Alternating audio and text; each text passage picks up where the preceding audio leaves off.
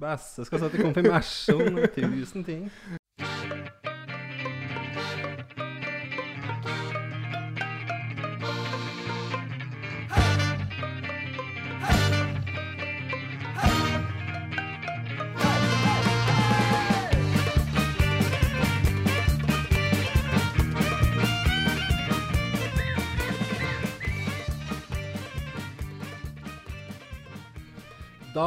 Ønsker vi velkommen tilbake til tidenes dummeste podkast. navnet mitt er Andreas Balstad, og med meg i studio har Marius Størseth og Stefan Tollefsen. Hei, hei sann. Eh, episode seks er en eh, spesialepisode. Der eh, tar vi for oss eh, det som kanskje er tidenes eh, norske filmserie. Vi påstår det. Det Ja. er rett og slett en eh, Olsenbanden spesial. Mm. Hva er det som er så bra med Olsenbanden, Stefan? Nei, det er jo udødelig, tenker jeg. Det er tidløs humor, eh, gode karakterer og eh, Det er nok en filmserie som kommer til å leve så lenge jeg lever. Ja. Ja, så er det nostalgisk og oppi alt det der. Selvfølgelig det òg. Gode barndomsminner. Ja. ja, ikke minst et tidsbilde av Norge gjennom eh, 70- og 80-tallet, kanskje først og fremst. Mm. Ja. Eh, men det er ikke opprinnelig en norsk serie, Stefan. Nei da, det er det ikke, vet du. Eh, Olsenbanden det er jo et dansk eh, konsept og ble jo skapt i 1968 av de danske filmmakerne Henning Baas og Erik Balling. Ja. Med da en, en som heter Ove Sprøge som Egon, Morten Grunwald som Benny og Paul Bungard som Kjell. Han Paul Bungard der da, han var jo en veldig anerkjent operasanger i Danmark for øvrig. OK. Hvordan rota han, vet du om hvordan rota seg bort i Olsenbanden? Nei, han var vel glad i teaterscenen og Generelt mm, i show, showbusiness, showbusiness, i ja. Danmark? ja. I- den ble vel innspilt da i 1969 i norsk, eh, norsk drakt, og det er jo da faktisk en eh, blåkopi av den eh, danske, danske originalfilmen. Mm. Så kom jo da Olsenmannen på Spanden i 1969, og med påfølgende norsk versjon som het Olsenmannen og Dynamitt-Harry i 1970, og så holdt de på sånn videre utover, da. Ja, og det var en stor suksess i, i Danmark, selvfølgelig. Å ja, eh, veldig stor suksess i Danmark, og de norske i Norge. Men eh, en liten forskjell er jo at de danske filmene også ble hylla av kritikerne i Danmark, mens de norske filmene ble jo da slakta totalt i av de norske anmeldere. Ja, ikke helt den samme statusen blant uh, filmjournalister i Norge som Nei. det hadde i Danmark. Nei. Eh, Du har jo en av de her mest anerkjente danske filmjournalistene nå, som heter for Christian Mongård, som ga ut ei bok i fjor, hva er det som er et sånn skikkelig et sånn praktverk, rett og slett, om den danske eh, Olsenmannen. Ja, for i 2018 så hadde jo de 50-årsjubileum, og det ble jo feira med prakt og masse bøker og arrangement og forskjellig som skjedde i Danmark, da. Ja. I langt større grad enn hva vi har sett i Norge så langt, i hvert fall. ja, den boka er utgitt på tysk òg, tror jeg. De var jo populær litt. Veldig populær i, i gamle DDR, de danske filmene. Så vi ser jo at eh, alle, alle de danske har jo blitt gitt ut i flotte tyske Blu-ray-utgaver, f.eks. OK, ja. Ja. Så det er ja, kanskje nesten en like stor suksess der, eller større suksess egentlig der enn i Norge, nesten. ja.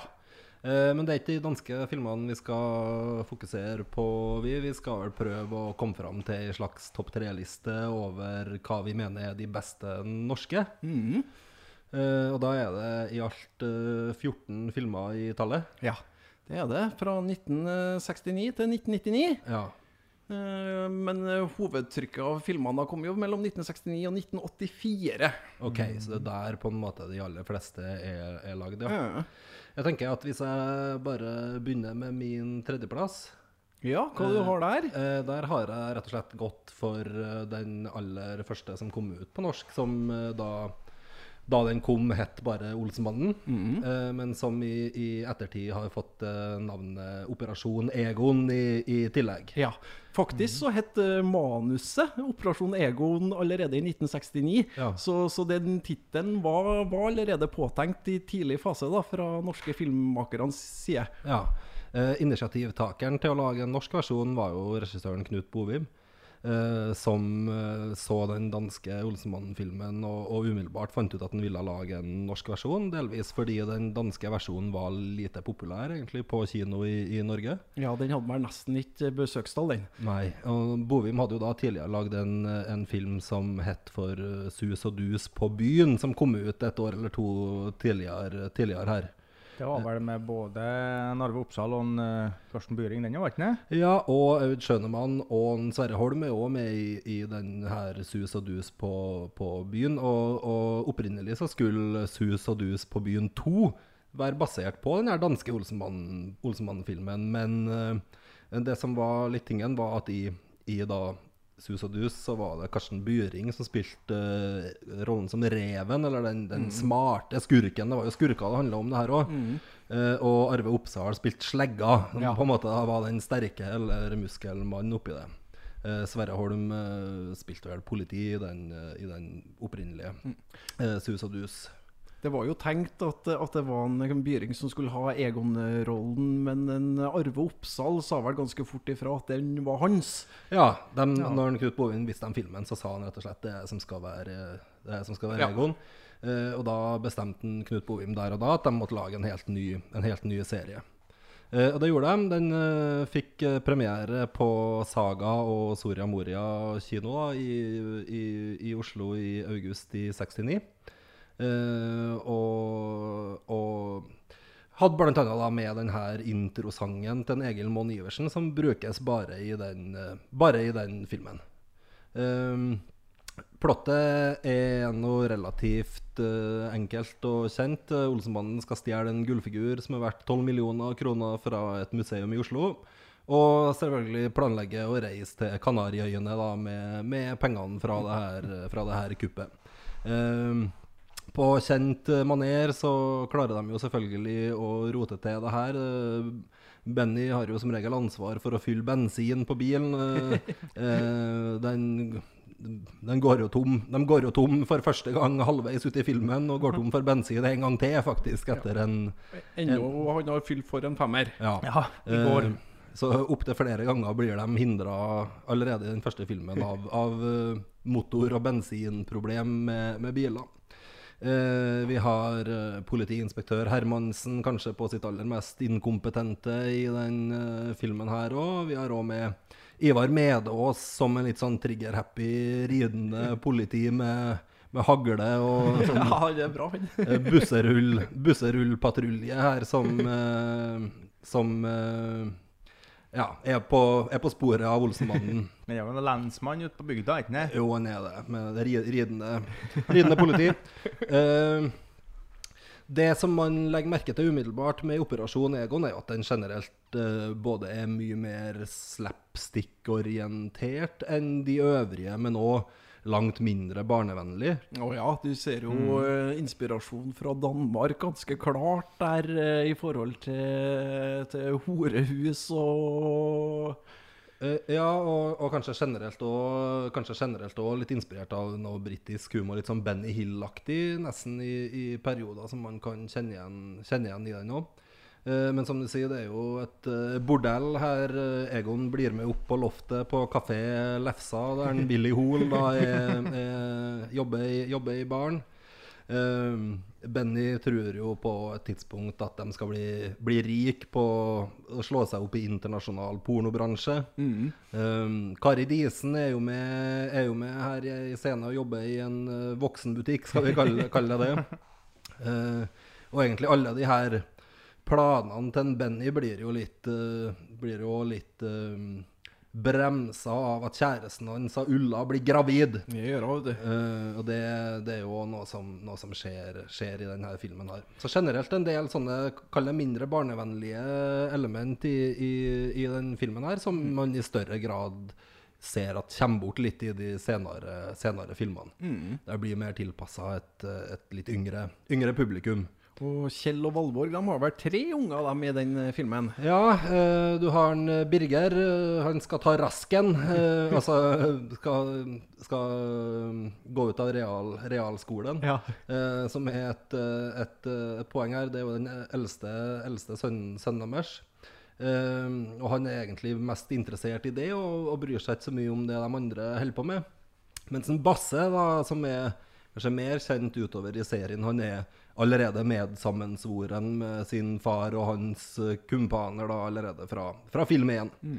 Og Det er generelt mye kok med navn og unger og sånt i starten av, av serien her. I, I den filmen her så finnes det jo en lillebror som ligger stort sett bare ligger i, i vogna. Ja, og en Benny blir jo far òg til slutt. Ja, så her har de eh, Her har Valborg og, og Kjell tre, tre barn da med, med, med en Basse, da, som, som er den som, som er en slags, et slags medlem av, av Olsenbanden, får vi vel, får vi vel si. Uh, filmen fikk terningkast én i VG. Uh, som du sier, Stefan, var ikke noen favoritter hos norske kritikere. Uh, et sitat fra den anmeldelsen er at, at resultatet er et produkt som ligger langt under grensen for den flateste folkekomedie. Så det sier jo litt om, eh, sier jo litt om, om den statusen Olsenbanden fikk tidlig egentlig i norsk presse, og langt på vei hadde gjennom hele denne perioden. Det måtte ha en eh, dårlig innstilling i utgangspunktet, tenker jeg. For det, det er jo ikke en terningkast én-film. Det det, altså det, det er som du sier, det, det, man må ha bestemt seg litt på Ja. forhånd at det her var ikke noe bra. Publikum eh, likte vel i hvert fall det de så, så bedre, og det var ja, etter, etter den filmen her eh, klart grunnlag for å gå videre med flere filmer i denne, eh, i denne serien. Mm. Olsenbanden. Olsenbanden.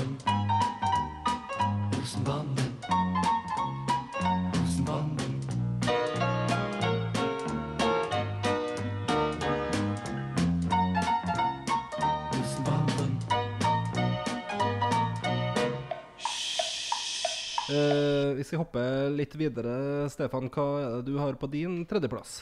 På min eh, tredjeplass så har jeg den filmen som er nummer fire i rekka, nemlig 'Olsenbanden og Dynamitt-Harry går amok'. OK. Eh, Det er jo da den andre filmen der Dynamitt-Harry-karakteren er med, som da er broren til en Benny. Ganske forfylla småkjeltring, det òg, vil jeg si.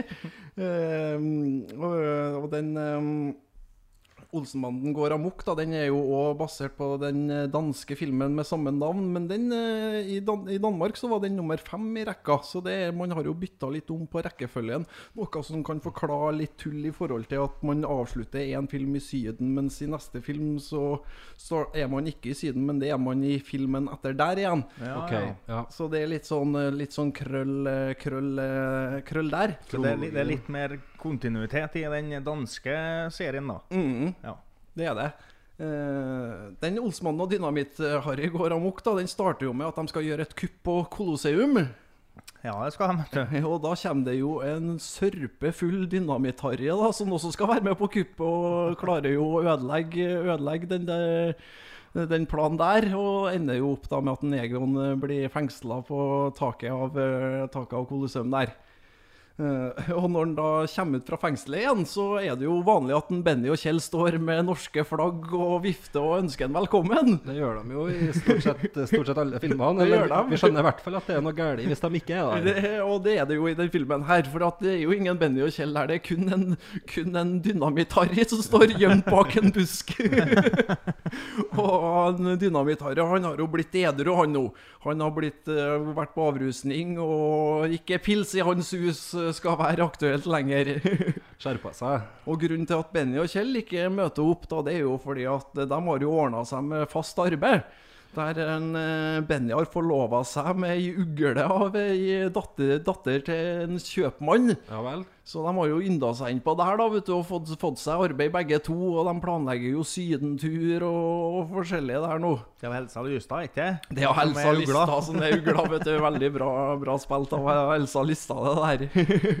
Så han Egon eh, kommer nå hjem da på kamp, til, Kampen, er vel der de bor. Eh, Og der sitter de jo og koser seg med kake og eggelikøren, Benny og Kjell, og har det som plommen i egget. koser seg, dem. Og Egon blir jo veldig, veldig skuffa og sur, og blir jo med en Dynamitt-Harry hjem. Og blir jo i, er jo i rønna ha- ha- hans isteden. Så ordner han jo Egon litt sånn at han bryter seg inn i den kolonialforretninga. Og så blir det jo at den, eh, Benny og Kjell som får skylda for det her innbruddet. Oi, oi, oi. Ja, ja. Og da er det jo en av de få gangene at vi ser at de sitter i fengsel. Ja. Og det, det, det mestrer jo ikke noe særlig bra. Kjell sitter jo bare på å bryte sammen konstant der. Så, men en Egon ordner jo opp med det der med å få uh, slippe dem løs da, med noe fiffig rømningsplan her. Og da eh, holder de da fokus på det som er planen til Negoen, nemlig å kuppe mot storhaien Hallandsen, som driver med svartebørshandel, da, og driver et firma da, som driver med import og eksport av frysevarer. Og vi har jo han Hermansen òg, som er, er med i bildet og holder på å spane på han Hallandsen. Han skal okay. få tak i han storfisken der, tenker han. Eh, det som er at eh, kuppet ender jo opp vellykka. Så Ja, de, det det, ja, de blir jo faktisk eh, aldri fengsla eller noe, men de klarer jo å rote til sånn at pengene havner på søppeldynga. Ja, de- ja, så okay. det, gjør de. Men filmen da avslutter med at de flyr eh, til Mallorca. Mallorca. Og i den danske versjonen så er det da Olsenmannens siste bedrifter som er den påfølgende filmen, og den starter jo i Syden. Ja. Så, så de er jo i Syden, men blokk. Det er jo sånn egentlig Olsenbanen uh, går, går amok. Slutter. Ok. Og skal da egentlig fortsette med Olsenmannens siste bedrifter. Men i den norske filmen så kommer Olsenmannen møter kongen og knekten midt imellom der. Mm. Mhm. Så, så derfor er, det litt sånn rart eh, i forhold til at det er slutt Men de klarte jo faktisk kuppet, det slutter jo med det, men de har vel lagt inn et sånn spørsmålstegn når flyet, flyet okay. eh, har avgang. Ja. Så, nei, jeg syns det er en eh, meget, meget god film. Særlig Dynamitt-Harry er jo veldig bra i den filmen der. Um, Dynamitt-Harry han er jo bare med i to av de danske filmene, nemlig eh, Olsmann og Dynamitt-Harry og den som eh, vi snakker om nå. Mens i norske så er han jo vel med i en seks-sju filmer. Ja, og stjeler jo ofte de scenene han er med i, og Harald Eide Steen eh, Ja, men Kanskje ja, en av de absolutt største norske komikerne i den generasjonen. Helt klart. helt klart. Mm. Så, men det man kan se, da, er jo at den dynamittkarakteren er betydelig svakere skrevet i de filmene der, han, der man ikke har en dansk dynamitt-Harry å basere det på. Ok. Så Materi det tynnere materialet. Veldig jo da. Data-Harry kommer jo her etter Ikke sant? Det, så Men Dynamitt-Harry i, i det går amok er veldig bra, altså, både i dansk og norsk, eh, norsk utgave. Mm. Han, eh, du sier jo at han har satt fra seg pillflaska i Ja. starten av filmen. Han eh, finner vel data på et tidspunkt? ikke Han finner jo igjen den, heldigvis. Det, det er jo Innpå det her kjølelageret som de eh, driver på og gjør kupp mot, så kommer det jo en eh, øltransport som den Dynamitt-Harry eh, sitter baki. Så han skal vel prøve å holde seg, da, men innen den transporten har kommet fram, så har han jo rukket å tømt både én og to flasker. Det var, vel, det var vel bare ei flaske, tror jeg. Det var i utgangspunktet. Ikke bra. Eh, skal vi hoppe eh, videre? Marius, hva har du på din tredjeplass? Du, jeg har Olsenbanden for full musikk. Eh, Originaltittelen på dansk er 'Olsenbanden ser rødt'. Det er det. Eh, hva er det heter nummer på den, Stefan? Det blir nummer åtte i den eh, danske, eh, danske rekka, og nummer sju i den eh, norske rekka. Ja, det er det. Mm. Uh, her er det et uh, plott som begynner med at en Egon skal ståle en Ming-vase fra en baron. Eh, en baron som er spilt av Helge Reis, for Ja. øvrig. Eh, og så skal han gi den, gi den tilbake. Eh, og, men baronen skal melde denne vasen som uh, stilig. Så han får forsikringspengene. Og Negon får betalt. Mm. 50 000, og det syns de er greit. Og at kanskje at de skal ta et kupp der de nøyer seg med litt mindre penger, for en gangs skyld. Ja, de skal det. Og så er det, det, er ikke, det er jo ikke lovlig, men eh, det er vel egentlig baron som gjør Ja. lovbruddet her. Mm eh, for det meste. For han har jo fått beskjed om å stjele denne vasen. Så det, det, er ikke så, det er ikke så risikabelt. Men den blir jo lurt, Egon. De har ikke, det, eh, det er jo Det er jo et annet plott her som Egon ikke har blitt informert om. eh, og han er bare et offer. Han er bare en brikke i et spill her. Mm, forsikringssvindel, er ikke det? Ja, det er forsikringssvindel, Ja. som, som det egentlig var i utgangspunktet. Men Egon var ikke den eh, delen av det her spillet som han trodde han var. da. eh, han blir arrestert for, eh, for å ha stjålet denne vasen, eh, og kommer i fengsel igjen. Mm. Eh, det som skjer er at Valborg hun øh, mener det her er ikke aktuelt. Eh, hun melder seg som verge for å få ut Negon. Ja. Ja. Da, Så da slipper jo Negon ut igjen, eh, mot at Valborg skal passe på han. eh, og da skal de ha hevn. Eh, så de skal prøve å ståle tilbake denne vasen. Men Egon og Valborg de er jo ikke alltid verdens beste venner. De, De går jo sånn halvgodt overens. Ja, de gjør det, men Egon den lover jo ut gull og grønne skoger. Og går det galt, så går jo planen til Valborg i vasken òg. Ja. Og Valborg har jo en uh, giftermål som da føler seg forplikta til å arrangere og betale regninga for, ikke sant? Ja, ikke sant? Eh. Basse skal jo gifte seg med Gry. Ja, skal det. det Hun har jo lagt planer her av Valborg. Da må hun ha penger. Ja, rett og slett. Så de eh, skal som sagt prøve å slå tilbake den denne vasen. Eh, det her ender jo i det som eh, denne filmen kanskje er mest kjent for. Denne konserten der de skal prøve å komme seg inn til denne tribunen eller galleriet der baron sitter. Nei, det er jo gjestespill på Nationaltheatret med musikkstykket 'Elverhøy'. heter Ja, det er det. Eh, apropos gjestespill. Eh, trekker litt eh, paralleller til den danske nå. Han, eh, dirigenten her, eh, Bent Meiding, det er jo den samme som spiller i dirigenten i den danske versjonen. Ja, så Det er ikke bare den samme som spiller, det er faktisk de samme bildene fra den danske filmen. Så de har rett og slett tatt det, det som ble spilt inn til den danske, og så klippet inn med nye norske bilder. Så, Ja, det- ja. så hele den ork det vi ser av orkesteret, det er tatt fra Olsemannen ser rødt, da. Ja, altså hele det der når du ser at uh, han med cymbalen kikker rart Ja, på det er akkurat de samme bildene som Ja, er i den ja. danske, danske filmen. Ja, det vet du. Og det, og det har man også flere eksempler på videre i serien òg, der man for å spare penger da bare tar klipp fra den danske, og så fikser det således, da. Ja.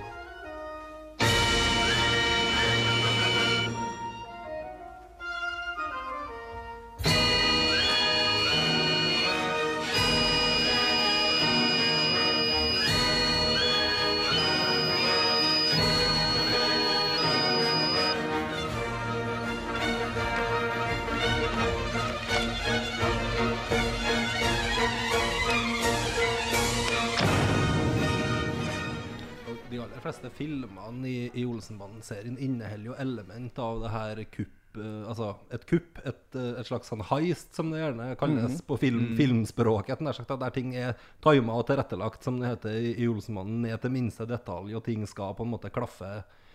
klaffe men jeg syns kanskje i, i hele serien med Olsenmannen så er det for full musikk som helt klart har den sterkeste og mest minneverdige heist-scena, som begynner å måle seg med ting man ser innafor den, den sjangeren i filmer som Oceans Eleven eller i Fifi, eller hva du nå har, som på en måte mer rendyrker akkurat den der delen av, av den her krim, krimsjangeren i noen grad, da. Ja, for du har jo her, eh, det her kuppet som du snakker om her, det er jo når de skal eh, komme seg fram til den her, det her galleriet der baron sitter. Mm. da må de gjennom mange rom. Fordi at skuespillerne kan ikke få dra musikeren, øh, musikerne, og musikerne kan ikke få dra innspisshetene, eller hvordan det er det der. De må jo, så det er derfor de Ja. har jo forsegla hvert rom, fordi at de ikke tåler trynet på hverandre, de som er involvert øh, i det her. da. Ja, så de må sprenge seg gjennom hvert, eh, hvert rom, rett og slett.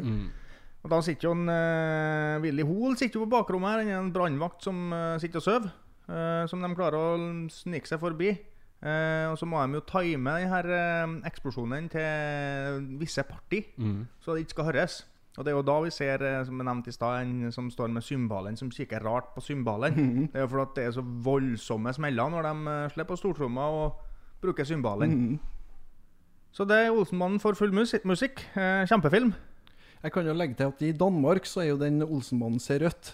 Den heter vel ser rødt av at han Pga. den hevndelen i filmen. At det, grunnen til at man gjør et kupp nå, er jo egentlig for å straffe han baron for at de lurte han lurte Egon først. Ja, ja, det er jo det. Men det er jo mange kåringer som har vært i, i Danmark om hva som er den beste Olsenmann-filmen, og da er det hele tida at Olsenmannen ser rødt vinner den kåringa, da.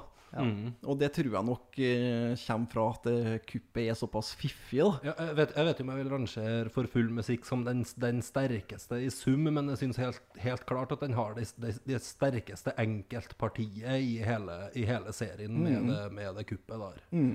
Så er det jo ganske, men det er jo ganske minneverdig det her med når Egon blir mura inne. Ja. Punnet det her slottet òg. Mm, ja, stemmer.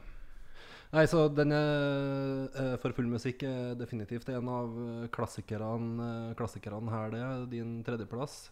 Ja. Det er tidenes dummeste podkast.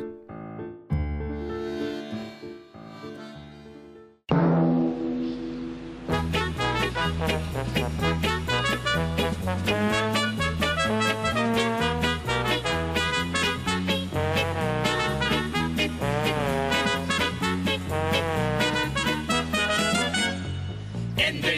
om er vi klar igjen til å gjøre nye bravader, trumf og store slem. En gullmarehist, en kassaskapist. Det går med litt list. Ja, det så vi sist.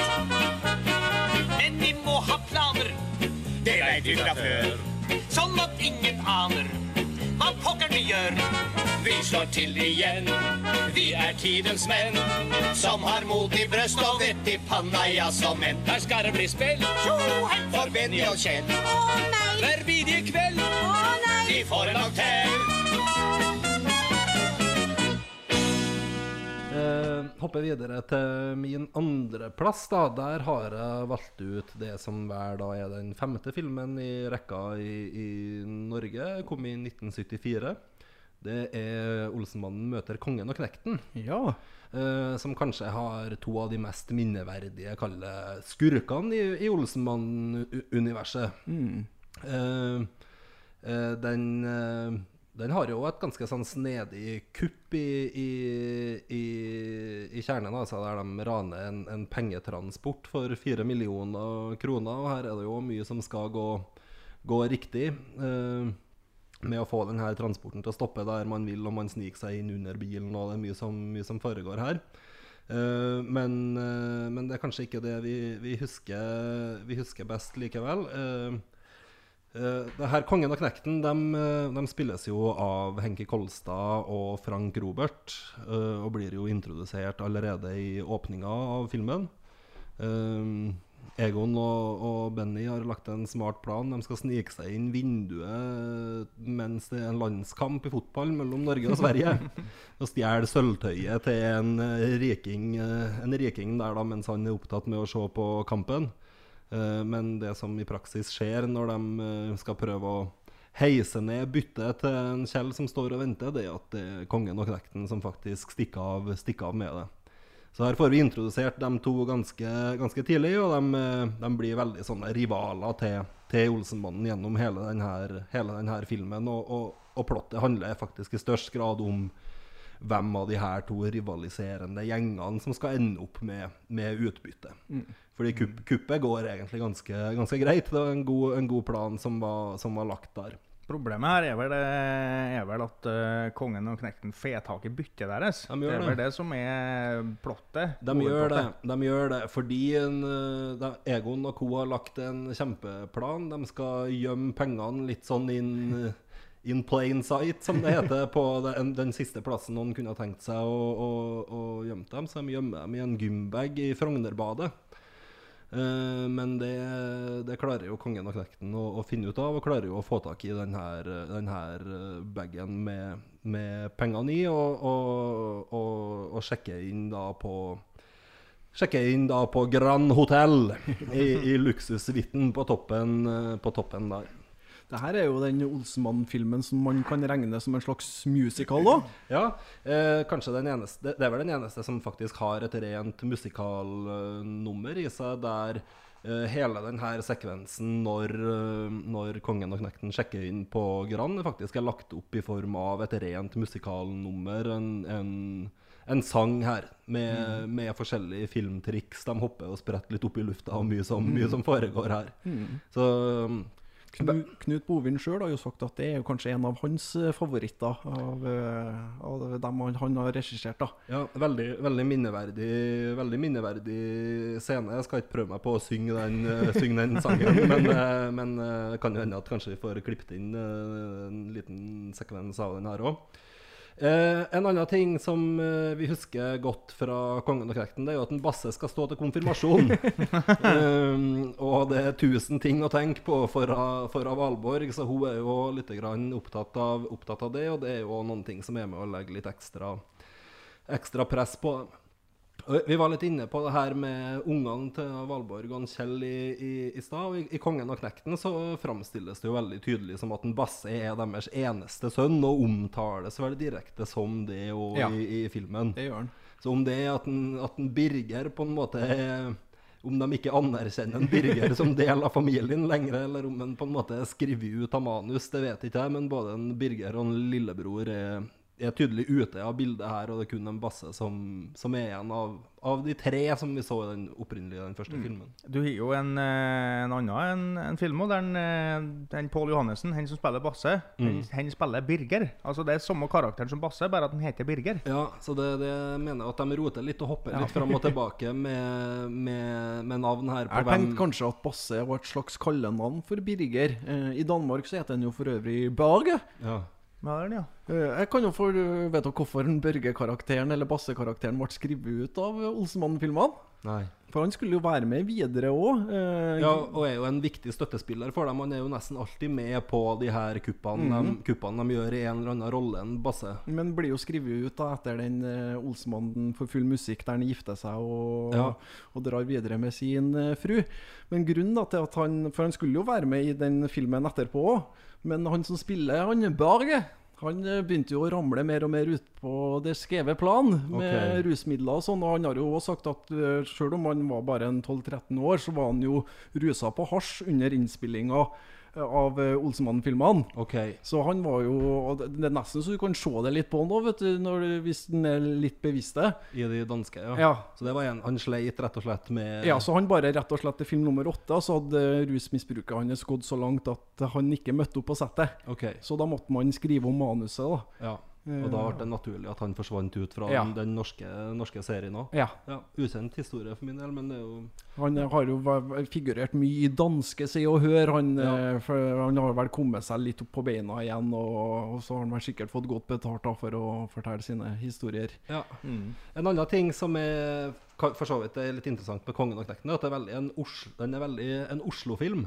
Eh, veldig fokus på byen og på kjente landemerker i Oslo og sånt som går igjen. Vi har bl.a. en scene i, i Frognerbadet som nevnt, og de er eh, Benny og Kjell gjemmer seg jo i ei fontene i Vigelandsparken på et tidspunkt her. Det er jo en, en, en del av det. Man er oppå den her galoppbanen på Øvrevoll. eh, Vi ser de kommer et Olsenmannen hopper i fallskjerm og lander over, over Øvrevoll, og det er veldig mye sånne ja, gamle landemerker i, i, i Oslo og, og området rundt som er, er profilert i, i filmen. Hermansen får jo for øvrig sparken i den filmen her til slutt òg. Klarer ikke å levere varen i jakten på, på Olsenbanden og blir jo til slutt uh, Etter å ha fått sparken på Fornebu på flyplassen, så blir han jo til slutt faktisk fjerna i, i tvangstrøye i den, eh, i den filmen her, eh, Hermansen. Så det er et av, et av hans klare bunnpunkt òg. Eh, det går vel ikke så veldig bra for noen, kanskje, til slutt. Eh, Kongen og knekten får ikke til å betale regninga på Gran Eller til slutt, så de ender opp i Vi ser dem til slutt i oppvasken der, stå- står og skal betale ned regninga si for For uh, har levd livet med champagne og mye forskjellig som har De har foregått vært storkarene og vendinga, de to der. Ja. Uh, fikk for øvrig terningkast to i VG. ja, det var uh, ja. En liten opptur fra enkelte av de, de tidligere titlene her, da. Ja. Eh, helt til slutt bare en liten detalj om en Frank Robert eh, som, spiller, som spiller Knekten. Eh, kjenner dere til han? Du, Ja. eh, han er jo en eh, veldig kjent og kjær skuespiller, men det er ikke alle som vet det. Nei. Hva er han som har stemmen til Reodor Felgen i Flåklypa, tru? Det er det absolutt. Så det er nok en som mange i Norge har mye mer et forhold til sånn sett enn man kanskje egentlig er, klar over. Mm. Og, og kjent for stemmen til den her Televimsen-karakteren, som var en kjent barne-TV-figur mm.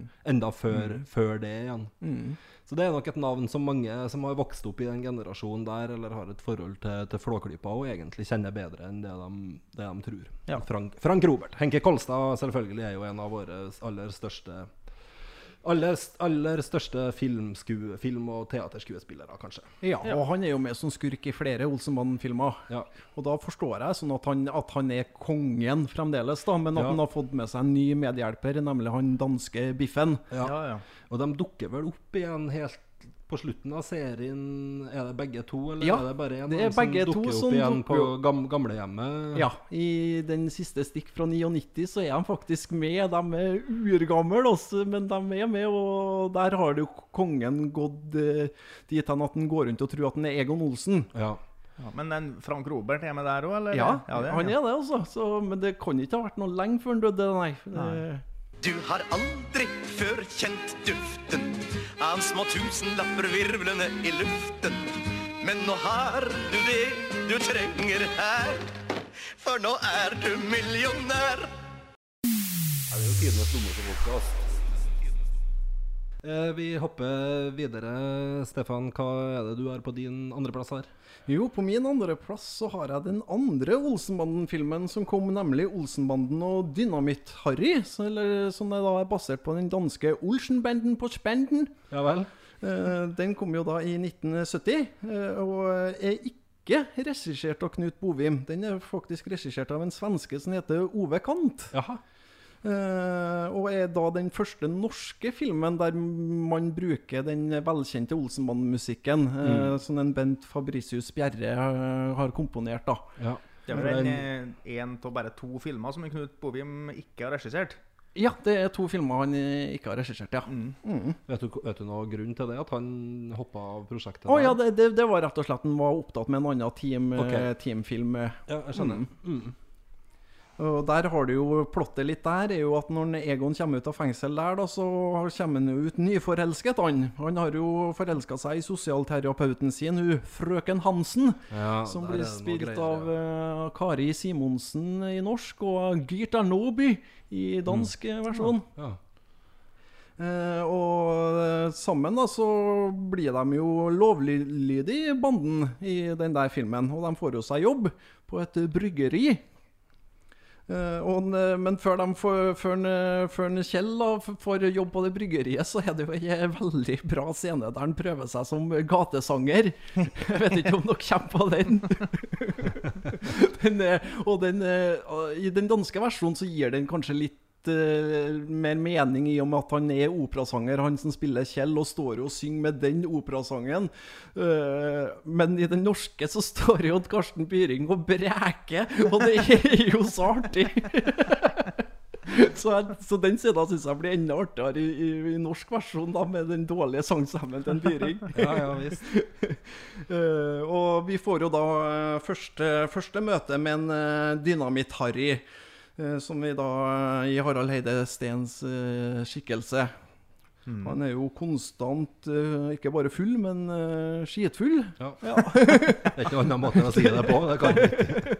Vanskelig å ha med å gjøre, egentlig. Vi er jo der i den filmen nå vi har den der eh, berømte scenen med eh, at eh, Dynamitt-Harry ikke får til å kjøre bil lenger, så at han sier 'Jeg tror det er best at du overtar rattet'. Ja, stemmer. og så løfter han bare av rattet, og så gir det videre til en Benny.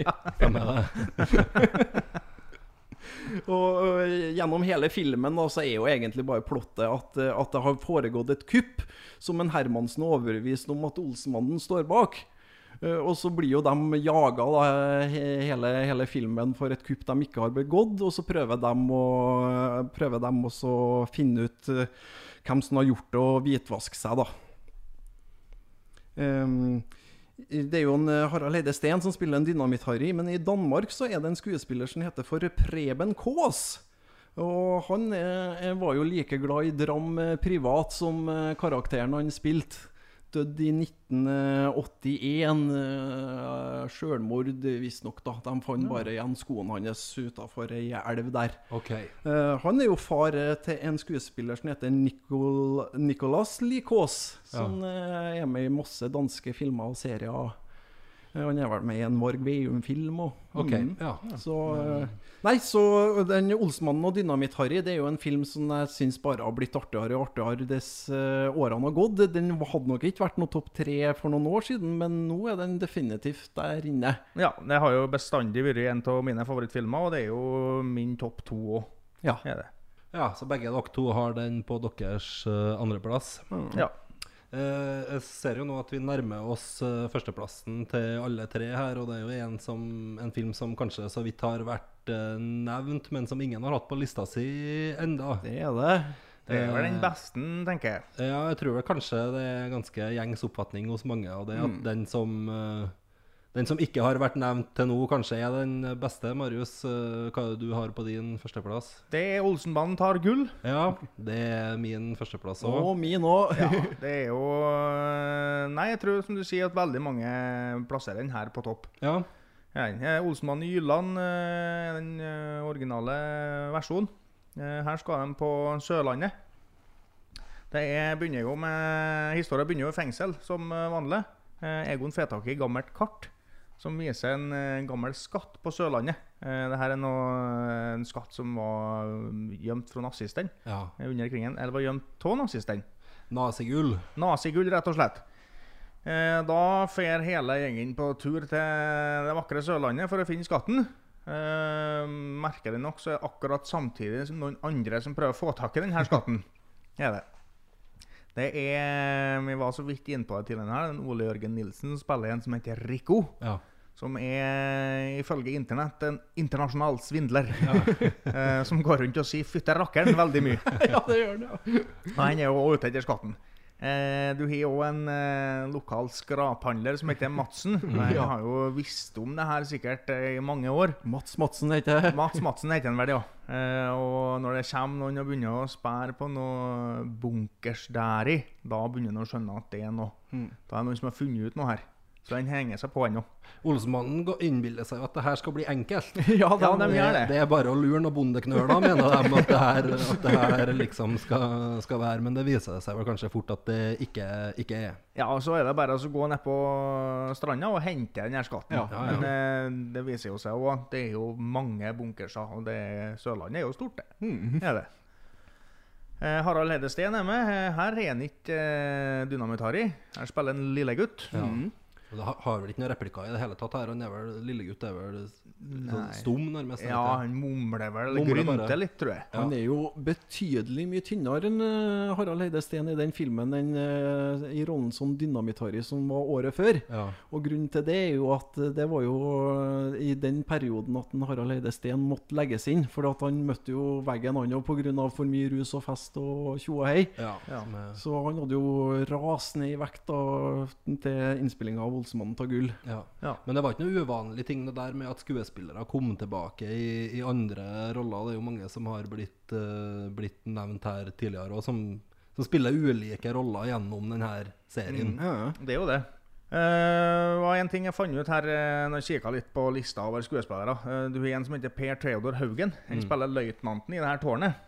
Han som hele tida får beskjed om alarm når det sprenges og Ja, fordi de er på militært område, selvfølgelig. De er, det, vet du, de er utafor militært område oppå bakken, men så er de innafor, under bakken.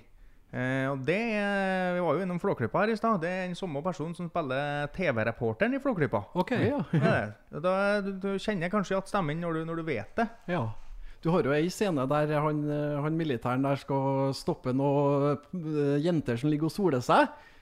Ja, Og der er det en vesentlig forskjell mot de danske, da. For eh, i de norske så ligger de jo tildekt med bikini, men i de danske så ligger de jo sjølsagt toppløse. ja det er de, ja. Det er litt, ja, Den er ikke ikke så barnevennlige, danskene. Andre klassiske scener fra den filmen her, da? Vi har jo den der granaten som Kjell eh, oppdager, Ja. eh, som ingen andre tror noe på. Det altså Egon og eh, Benny ja, de trodde noe på når han sier at det var en granat som for forbi. Ja, De kommer i et sånn her system oppi taket nede i bunkersen der, ja. ja, jeg vet ikke hva det er som er det opprinnelige formålet til den granaten, men Nei. Det er noe forsvarssystem, kanskje. Ja, og så har du jo den der dykkerdrakta til en Egon, som ikke er sånn av topp uh, modell, i hvert fall. Ja. og så de står og sveiver og pumper luft der. Og så tror de jo faktisk at han, eh, at han dør etter en Ja, liten ja, ja. vending der. Men så dukker han jo opp igjen på veien der i full dykkerutstyr, så Ja, han gjør Og Vi har jo en del scener med en skraphandler Madsen og en lillegutt her. Det er jo mye forskjellige biler som blir knust, og mye som foregår. Ja, du har jo den scenen der eh, de måtte gå ett steg fram, og så er det jo ti tonn kloss som detter på dem. Og den, eh, det er klart, det der er jo gjort i real life, det. Det er ikke noe triks, det. Så hadde de jo gått et lite skritt feil, så hadde det jo blitt eplemos av dem. Ja. Hvorfor er det her den eh, aller beste, Marius? Nei, det er et godt spørsmål. Eh, Jeg har jo vært inne på det helt i starten her at det er jo mm, eh, noe med det er minneverdige karakterer, og så er det eh, god historie. Mm. Eh, men jeg vet ikke, for min egen del så er det den filmen jeg så aller først da jeg var liten. Jeg så den mange ganger før jeg så eh, noe annet. Så Ja, det, det er mitt personlige forhold til den. Husker jeg annet at jeg var og så den på kino. Ja, det gjorde du ja. Eh, Det må jo ha vært på ja, tidlig, tidlig, på, på 90-tallet. Ja.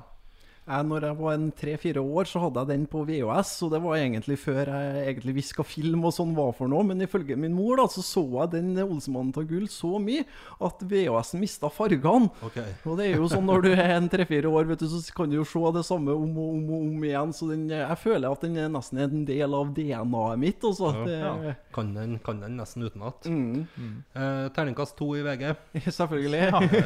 Aftenposten og Dagbladet smalte med terningkast tre. Oi. Og ja. fikk faktisk terningkast fire av Se og Hør.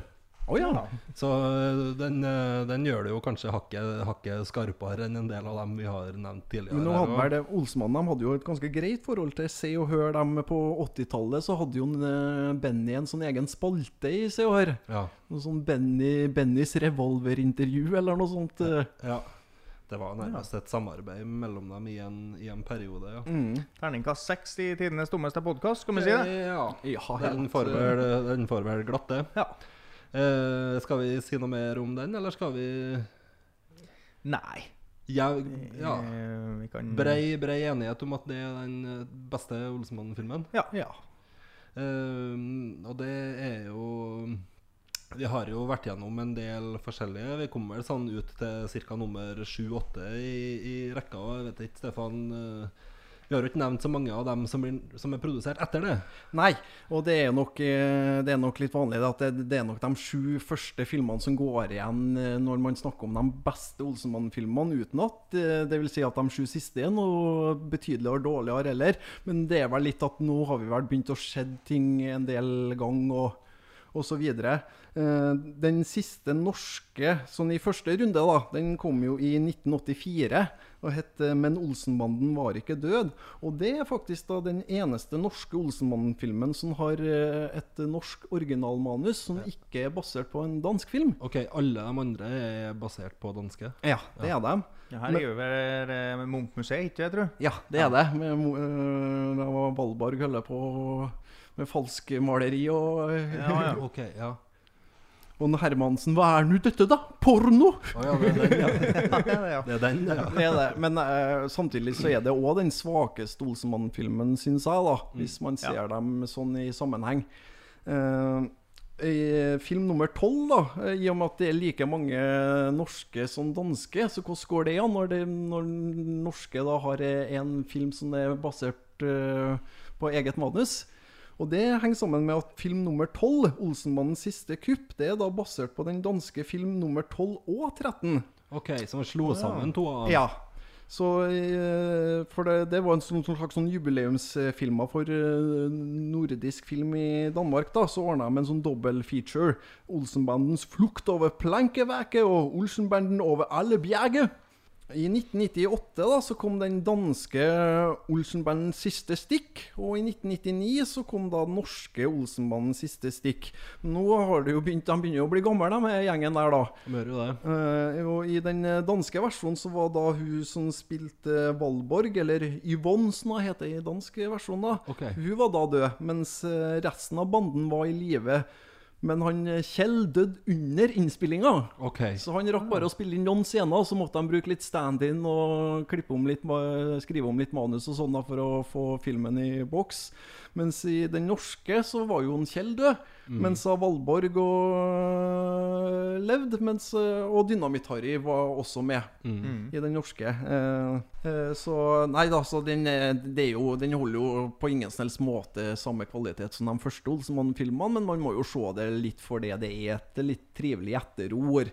Og jeg kommer jo på at jeg syns det var veldig stas når den kom på kino i 99, at eh, jeg sånn, i min generasjon nå da fikk mulighet til å gå på kino og se en eh, ny Olsenmann-film.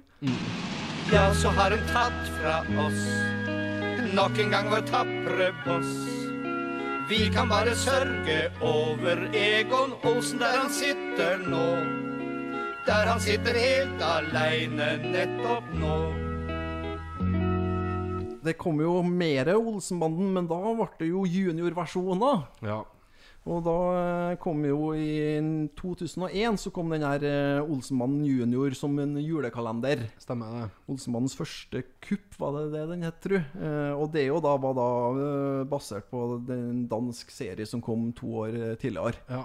Og der har jo vært bra publikumssuksesser, men det er vel ikke noe sånt som er Nei, det, verdt, verdt å bruke så mye tid på for voksent publikum, i hvert fall. nei, det kom jo De er det vel seks filmer som kom eh, etterpå med juniorvariantene.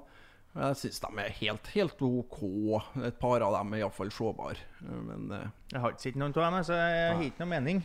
Eh, Men det er sikkert helt greit. I en av filmene får du jo vite hvorfor eh, Egon har bowlerhatt. Okay. Og det er jo fordi at han gjør en tjeneste for det norske folk, og da får han bowlerhatten til en kong Olav, som også var kjent for å gå med bowler, vet du. Ja. OK, så det er det som er forklaringa da. Ja. Videre på 80-tallet så ble det jo ordna en del eh, fire eller fem tegneseriealbum basert på de norske karakterene. da. Okay. Så er, det er litt kult. Og da var det egentlig meninga at det ene albumet skulle bli film. Men så var det vel noe med at de danske rettighetshaverne ville egentlig ikke at de norske skulle ta serien videre med egne manus. da. Nei, OK. Man ville Ville ha det litt i fred. Svenskene òg, vet du, begynte jo, med, begynte jo å se til Olsenmannen. Så i 1981 så kom jo dem med sin versjon eh, som het Jønsson-ligaen.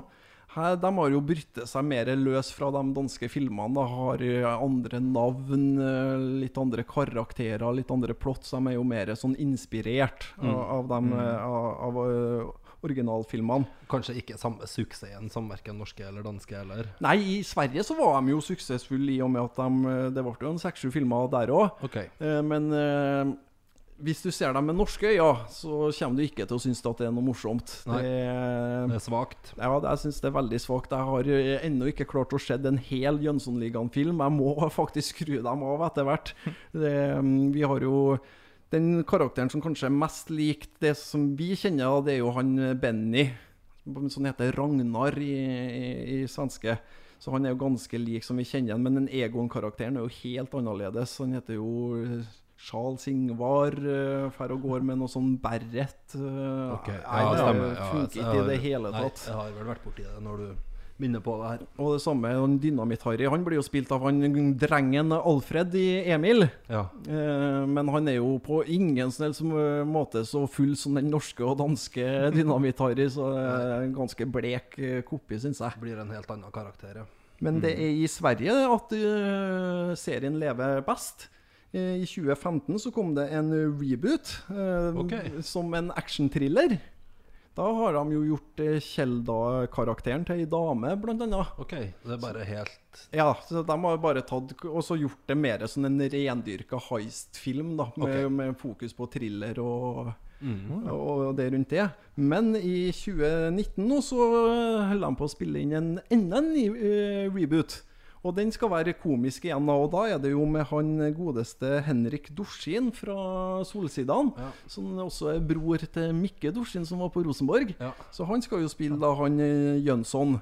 Okay, og og det er jo faktisk han Thomas Alfredsson som regisserte 'Snømannen' og 'La den rette komme inn', som står eh, bak regi. Ja, Det er jo kanskje det mest interessante som kan finne på å komme ut av det her svenske satsinga, Ja. tenker jeg sånn umiddelbart. Ja, jeg er enig, så den, den går det nok an å se, Verdt, faktisk. verdt å få med seg. Ja.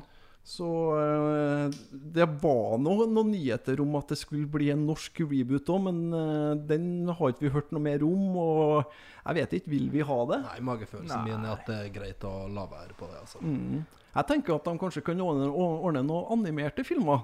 Det har de jo gjort i Danmark. har de jo kommet med to eh, dataanimerte filmer basert på de originale karakterene. da. Okay. Så kanskje det hadde vært hvis det skulle ha blitt mer Olsenmannen i Norge, da. Nei, skal vi begynne å få runda av det her, da, kanskje? Har dere noe mer dere vil få nevnt om denne uh, tidenes eh, norske filmserie? Du, jeg har litt jeg vil si om uh, skuespillere. Ja. Jeg, vi har jo vært så vidt innpå det at det er noen eh, som har litt flere biroller. Mm. Er det. Eh, Jeg har gått gjennom og eh, prøvd å ordne meg ei liste her. Eh, for vi har jo en eh, par stykk som er, ja, i hvert fall rundt bordet her kjenner jeg til, som Dan Fosse og Willy Hoel. Eh, vi ser jo for oss at de er med i alle filmene, egentlig. Jeg gjorde i hvert fall det, og jeg trodde at en Kaffevert Hansen var med i i hvert fall halvparten. Willy Hoel, ja. Ja, Mm. Men uh, er, Kaffevert Hansen er jo med bare to ganger. Ja. Uh, om Willy Hoel og Dan Fosse de er begge med i fem filmer. ja. Eh, og så er det en annen dame som heter Anne Lise Tangstad. Hun er med i fem filmer. Eh, spiller blant annet Karina i Tar Ja. gull. Ja. Dama til Rico. Ja, ja, ja. Og så har vi eh, Ole Jørgen Nilsen, den jeg nevnte tidligere. Han spilte jo Rico. Han har vært med i seks filmer. Ja. Og så har vi en Alf Mallan, han eh, som eh, fortalte var eh, Ole Elveplassen i Bør Børson. Han, ja, han som har tidenes dårligste trønderdialekt på film. Ja, det kan det godt være, ja. Han er ikke så bra, nei. Nei. Eh, han spilte jo Hallandsen tre ganger, blant annet. Ja. Og så har vi jo en Harald Heide Steen. Han jo, har jo spilt forskjellige roller, han òg. han har jo spilt uh, Harry seks ganger, men han har jo vært med i ni filmer. Han. Uh, og så har vi en som eh, jeg ikke kjente til så godt før, i hvert fall ikke. Det er en som heter Ulf Wengård. Eh, han har vært med i ni filmer. Eh, bare sånne småroller. Han spiller vel Holm, eh, Holm-karakteren som den Øyvind Blunk tar over etter hvert i Olsenmannen for full musikk. Og han er vel med i siste stikk og som eh, vekter, tror jeg. Ja. Som vekter på 90 år. Ja, han er det. Eh, og så har du jo Jeg vil jo si at den Ulf Wengård er den som er den mest interessante på denne lista. Men den som har mest småroller, det er jo faktisk en Knut Bovim. ja. For han har jo skrevet seg sjøl inn i elleve filmer. Ja, Eh, som regel sånn små- statist. Ja. Så når du er inne på oss, eh, litt mindre roller, så kan vi òg nevne at eh, den eh, norske Olsenbanden de er jo med i en dansk Olsenbanden-film. Ja, det er vet du. Ja, den Olsenbandens søsterbedrift, da. Der er de hele banden med. Da spiller fulle nordmenn på tur til Danmark.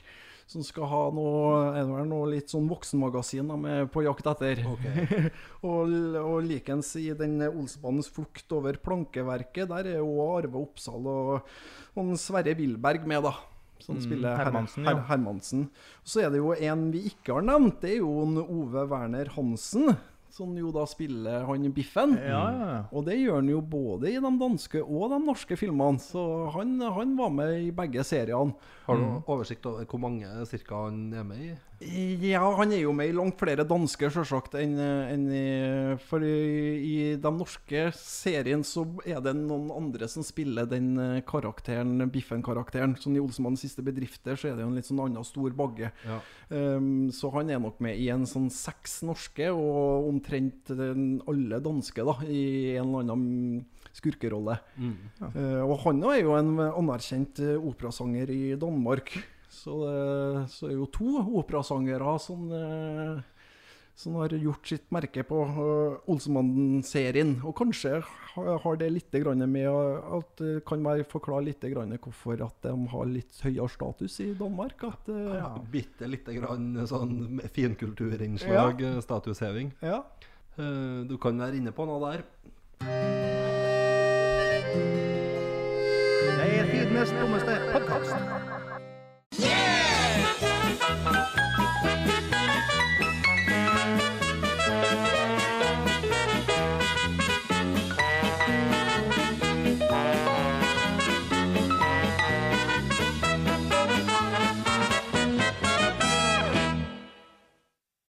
Eh, nei, men da tenker jeg at vi begynner å nærme oss eh, slutten her. Ja. Eh, Olsenbanden, helt soleklart eh, tidenes norske filmserie, og den beste av dem uh, alle, det er vi enige om at det er Olsenmannen tar gull. Ja. Eh, din mors favoritt, Stefan, vet du hva det er?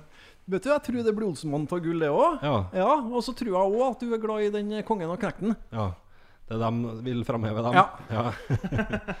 Jepp. ok, nei, men da sier vi takk for oss. denne eh, spesial Olsenbanden Olsenmannen spesial.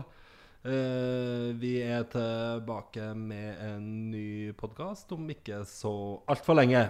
Mm. Ha det bra. Ha det! Ha det.